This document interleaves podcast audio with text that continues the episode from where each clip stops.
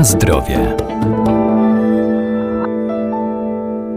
Rośliny zielarskie mają szerokie zastosowanie zarówno w lecznictwie, jak i w kuchni jako przyprawy do potraw, a warto po nie sięgać, bo są naturalnym, zdrowym dodatkiem, który nie tylko dostarcza nam walorów smakowych, ale także wartości odżywczych. Rabarbar to roślina, która rzadko jest kojarzona z gatunkiem zielarskim, leczniczym, choć od wieków ma swoje zastosowanie w medycynie ludowej, podobnie jak pietruszka.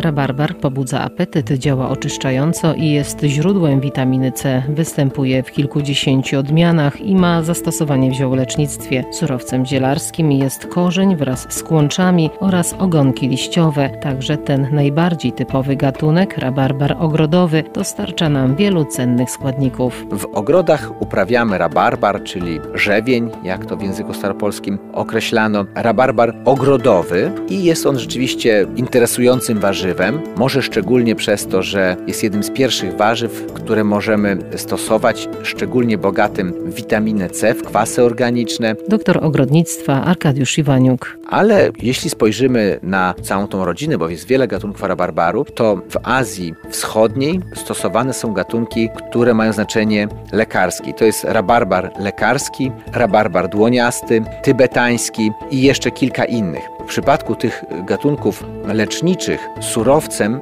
nie są ogonki liściowe, stosuje się karpę czy powiedzmy korzeń i to podziemne zgrubienie rabarbaru. Rabarbar jest wtedy wykopywany i przede wszystkim ma działanie przeciwzapalne i przeczyszczające. Jeśli nie mamy rabarbaru lekarskiego, to też nie należy się martwić, tylko cieszyć tym, który jest, bo jest to gatunek, jak wspomniałem, dostarczający wczesną wiosną wielu witamin. Po upieczeniu pojawiają się tam substancje o szczególnym działaniu antyrakowym. Chociażby dlatego polecany jest rabarbar właśnie jako dodatek, jako pieczony do ciast, do kompotu. Zawiera dosyć duże ilości fosforu, potasu, ma też działanie przeciwzapalne. No i co istotne, zawiera sporo błonnika. Zawsze ten błonnik jest nam w układzie pokarmowym potrzebnym, bo on wspiera perystaltykę jelit, ułatwia trawienie, zapobiega nadmiernemu szybkiemu wzrostowi ilości cukru we krwi. Na zdrowie.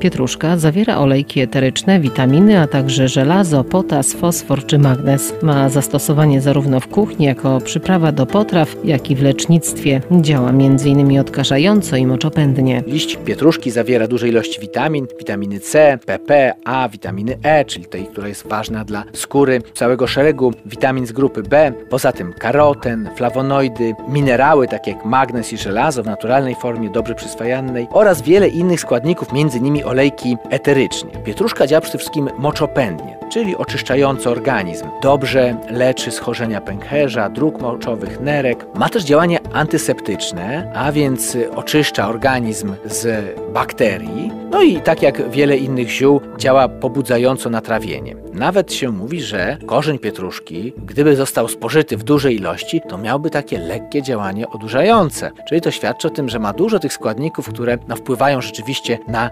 człowieka. Warto stosować pietruszkę w każdej postaci, szczególnie natka jest bogata właśnie w te witaminy, w sole mineralne, w magnez tak pożądany, ale równie dobrze można na przykład tą natkę mrożoną stosować, ususzoną, a także korzeń pietruszki, który posiekany, wysuszony może być stosowany również w miesiącach zimowych długo po zbiorze. Powszechnie uważa się, że pietruszkę dzielimy na taką korzeniową i naciową. Oczywiście odmiany są takie, które nam urosną albo bardzo ładny korzeń, albo bardzo ładną nać. Zasadniczo no, nie różnią się w działaniu, oczywiście tylko efekt po uprawie jest różny, bo albo mamy dużo zielonej masy pełnej witamin, albo ten bakteriobójczy, cenny korzeń pietruszkowy, który też jest oczywiście i przyprawą, i dodatkiem do zup na pewno godnym polecenia. Najczęściej stosuje się wywary z suszonego korzenia lub liści, proporcji łyżka korzenia na szklankę wody. I oczywiście taki napar podgrzewa się, lekko zagotowuje albo zalewa wrzątkiem i odstawia na pewien czas. Ale także świeża natka ma taki no, zdrowotny wpływ. Posiekana może być dodawana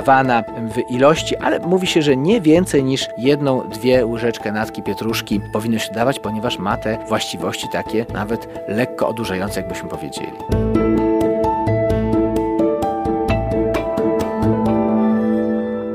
A jeżeli chcemy wysuszyć liście pietruszki, należy je rozłożyć na płaskiej powierzchni i pozostawić w przewiewnym i zacienionym miejscu, by nie straciła barwy. Po wysuszeniu należy umieścić ją w szczelnie zamkniętym pojemniku.